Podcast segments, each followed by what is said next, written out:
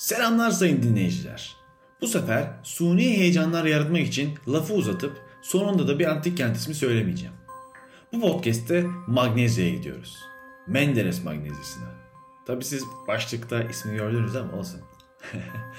Belki de yüzlerce kere yanı başından geçmiş fakat Magnezya yazan kahverengi tabelanın söylediğini dinlemeyip oraya saplamıştım. Şimdi yıllar sonra bir tatil dönüşü Aydın'a dönerken saatin henüz erken olduğunu fark edip kırdım zincirlerimi ve Magnezya görümünün heyecanıyla yaklaştım. Fakat henüz hava kararmamış ve saat erken olmasına rağmen öğren yeri kapanmıştı. Kış tarifesi böyleymiş. Neyse bir dahaki sefere diyerek uzaklaştım.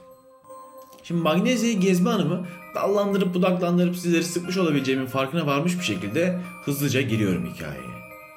Magnezya oldukça geniş bir alana yayılmış olmasıyla bile dikkatleri üzerine çeken bir yer. Çünkü ah şuralar bir kazılsa neler çıkacak kim bilir dedirten yerlerden. Karayolunun kenarında agorası ve şehir merkezi var. Yoldan sağa saparak gidebildiğiniz stadyonu, tiyatrosu, cimnazyonu ve kent surları ile muhtemelen tam bir gün ayrılacak kadar da devasa. Tesalya'dan gelen magnetler tarafından kurulmuş ilk Magnezya. İlk Magnezya diyorum zira ikinci bir Magnezya'dan da bahsedeceğim. Apollo'nun kehanetiyle Menderes Nehri üzerine kurulmuş olan kentte ticaret yollarının geçtiği merkezi bir yerde her şeye hakim olmak istemiş olsalar gerek. Kentin kuruluş hikayesinin büyük bir kısmını oluşturan Menderes Nehri kentin sonunu da getirmiş. Menderes Nehri'nin taşması ve ortaya çıkan salgınlar yüzünden ilk Magnezya'nın yeri değiştirilmiş ve şu an Magnezya olarak bildiğimiz yere kalıcı olarak kent kurulmuş. İlk Magnezya ile ilgili sorularınız varsa boşuna cevap aramakta zaman kaybetmeyin. Çünkü kentin, kentin konumu belirsiz ve bu kuruluş hikayesi dışında bir bilgi de bilmiyoruz. Şimdi zaman zaman tüm İyon kentleri ile ilgili işte bir mühendislik e, harikası vesaire burada sizlere söyledim. Fakat burası bu genellemem için e, hem olumlu hem olumsuz örnekler sunuyor. Izgara planlı İyon kentlerinden biriydi Magnezya'da. Izgara plana ek olarak dünyanın en önemli mimarlarından biri olan Hermogenes de sık sık burada işler yapardı. Bunları iyi örnekler olarak sayabiliriz mutlaka fakat bir de kötü örneklere gelelim.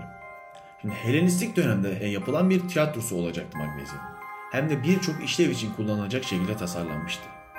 Dini, siyasi ve sportif faaliyetler tiyatroda gerçekleşecek ve halk sosyalleşme imkanını burada bulurken yöneticiler de siyasi manipülasyonları yapmak için bir fırsat bulacaktı. Fakat Magnezya'da antik mühendislerin hesaplamadığı bir şey vardı. Tiyatro gibi içerisinde dairesel formlar içeren yapıları uygun görülen dağ yamaçlarını yapmak o zamanlarda da sıkça başvurulan bir yoldu. Fakat arkasındaki toprağın gücünü hesaplamak da yapıların gücünü en çok sınayacak gücü hesaba e, katma gereği duyuyordu.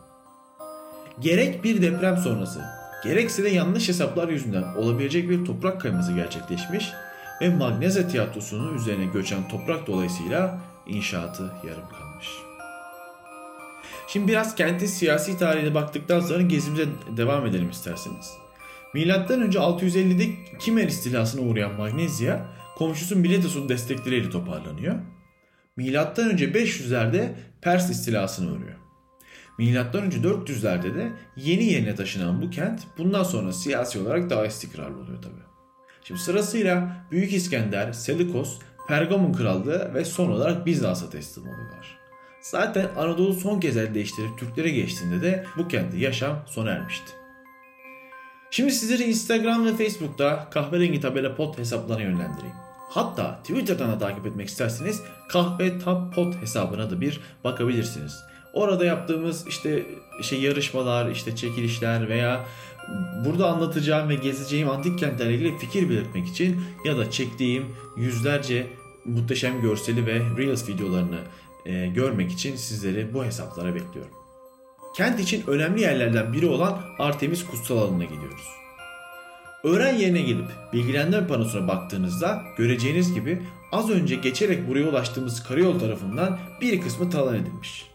Fakat en azından simge yeri olan Artemis Leokopriene tapınağının üzerinden geçmemişler diye elimizdekiyle yetinmek kalıyor bizlere. Artemis tapınağı Helenistik dönemde yapılmış Anadolu'daki en büyük dördüncü İyon tapınağı. Mimarı Hermogenes'in ustalık eseri olarak adlandırılıyor. 67,5'a 40 metre ölçülerinde ve 8'e 15 sütun dizimindeki tapınaktan maalesef çok fazla parça yurt dışına e, kaçırılmış ve orada sergilenmekte. Muhtemelen İngiliz ve Fransızların kenara köşeye attığı birkaç iyon sütun başlığı da öğren yerinde sergilenirken birkaç mimari friz elemanı da İstanbul Arkeoloji Müzesi'nde sergilenmekte. Artemis kutsal alanında kentin ilk kuruluş zamanlarından terk ediliş zamanı olan milattan sonra 13. yüzyıla kadar yapılar bulunmuş. Kutsal alan üç tarafından surlarla çevrilmiş bir tarafı da halka açık şekilde yapılmıştı. İçerisinde toplantı alanı, stoalar, 32 kişilik latrina, kütüphane, heron ve birçok farklı amaca hitap eden yapılarda yer almaktaydı. Aslında bu işlevlere baktığımızda bir agora olduğunu düşünebilirdik. Fakat hadi şimdi agoraya gidelim. Artemis kutsal alanından kutsal agora propilonundan geçerek agoraya ulaşılıyor. Propilonda kapının her iki tarafında da üçer tane iyon sütunu ve bunları sınırlayan fil ayakları vardı. Burası dini bayramlarda törenler esnasında kullanılan bir tören kapısıydı aslında. Şimdi etrafında stoğalar ile çevrelenmiş agoradayız. 26 bin metrekarelik boyutu ve 414 tane sütunu ile devasa bir meydan olsa gerek o zamanlar. Bir tarafında Artemis tapınağı, bir tarafında da Zeus tapınağı bulunan bu agoraya kutsal agora da denmişti. Çünkü daha çok dini amaçlarla kullanıldığı sanılıyordu. Kutsal agora haricinde bir de devlet agorası vardı Magnezya'da. Bölgenin en önemli kentlerinden biri olduğu için diğer kentlerde gördüğümüz devlet agorası ayrımını burada görmek beni şaşırtmadı. Ne de olsa kenti yönetenler ayrıcalıklı olmalıydı değil mi? Kutsal Agora'dan batıya yürüdüğünüzde sütunları ve devasa basamakları açtıktan sonra bir tarla çıkıyor karşımıza. Bu tarladaki otlarla birlikte yürümeye çalışıyorum. Yapıştığında muhtemelen pantolonumdan günlerce çıkmayacak o dikenli otlar vardır. Onlardan bunlar bilirsiniz.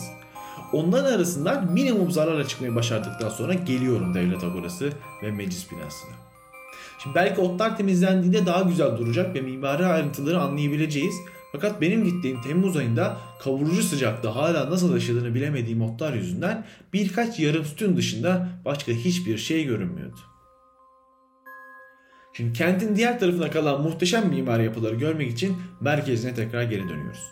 Buradan geçerken e, birkaç tane gözümden kaçan yapı gördüm. Bunlardan biri Çarşı Bazilikası. Milattan sonra 2. yüzyıla tarihlenen yapı aslında biraz daha geç dönemde yapılmış, üzeri kapalı bir çarşıymış. Agora ile bağlantılı olarak planlanmış bu yapı 3 nefli ve 2 katlıymış. Burada fark ettiğim bir diğer yapı da hipokauslu yapı dedikleri bir yer. Diğer adıyla ısıtma donanımlı yapıda deniyormuş. İçerisinde yer alan ocak, hava ısıtma ve su ısıtma sistemi ile birçok yapıya benzerliği hissediliyor. Şimdi henüz kazılar tamamlanmadığı için kesin bir bilgi vermekten kaçınılsa da yıllar sonra buranın bir hamam olduğu açıklanırsa kimseler şaşırmayacaktır bence de. Vitruvius'un Mimarlık Üzerine 10 Kitap isimli kitabına konu olan bir kent burası. Gerek muhteşem stadyonu, gerekse Hermogenes'in yaptığı Zeus Tapınağı ve Artemis Tapınağı, gerekse de altyapı sistemlerinin harikalığı ile kesinlikle adından söz ettirecek bir kent. Şimdi yazının Şimdi yazın ilk başına bahsettiğim yolun sağına dönüyoruz şimdi. Öncelikle yolun sonuna kadar gidip dönüşünde her kalıntıyı tek tek görme kararı alıyorum. Bu karar doğrultusunda göreceğim ilk yer Cimnazyon hamam bileşkesi oluyor. Magnezya'da günümüze ulaştırılan iki tane hamam mevcut. Biri karayolunun karşısında daha bakımsız halde duruyor, biri de burada. Bir tane de hamam olma ihtimali yüksek ısıtmalı yapı olduğunu düşünürsek buranın amacını biraz değiştirmek gerekiyor. Şimdi şu an yanında bulunduğumuz yapı isminden de anlaşılacağı gibi Cimnazyon'la birlikte ele alınabilir. Bu hamam kompleksi sık sık Miletos'taki Faustini hamamı ile birlikte alınır.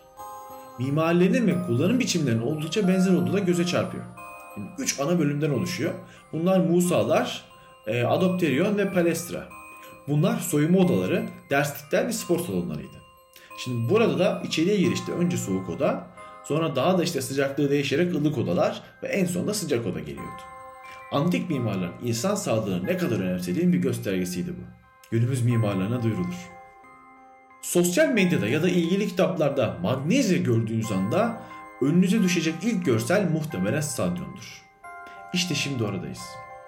30 bin kişilik devasa bir arenaydı burası.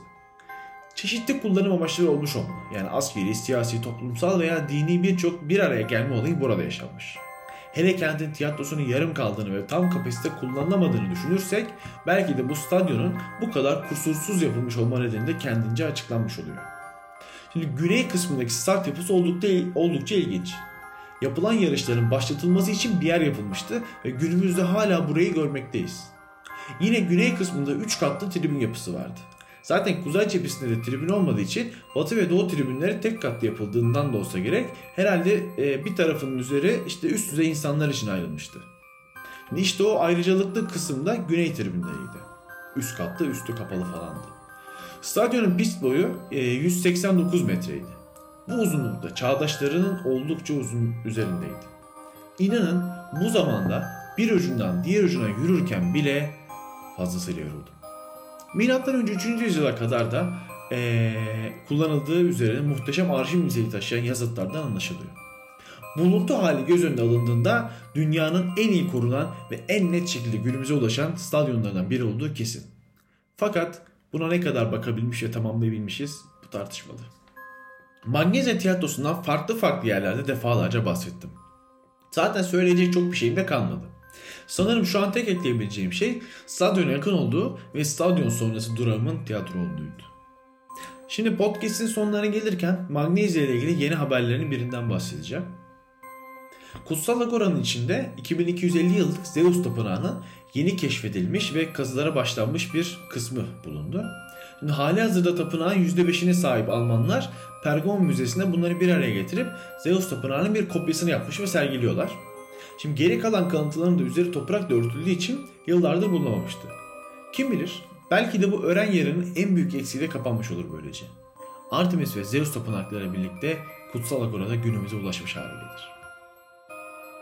Kızı Başkanı Doçent Doktor Görkem Gökdemir hocamızla birlikte Manderes Magnezyası sosyal medyadan bir kampanya başlatmış. Hashtag Go to Magnesia diyerek insanları bu güzel yeri görmeye teşvik ediyorlar. Kültür Turizm Bakanlığı'nın bütçeleri ziyaretçi sayısına dağıttığını e, göz önünde bulundursak ortaya çıkacak çok şey olan bu antik kentlere de defalarca gidilmeli. Sağlıcakla kalın bu bölümde burada biter.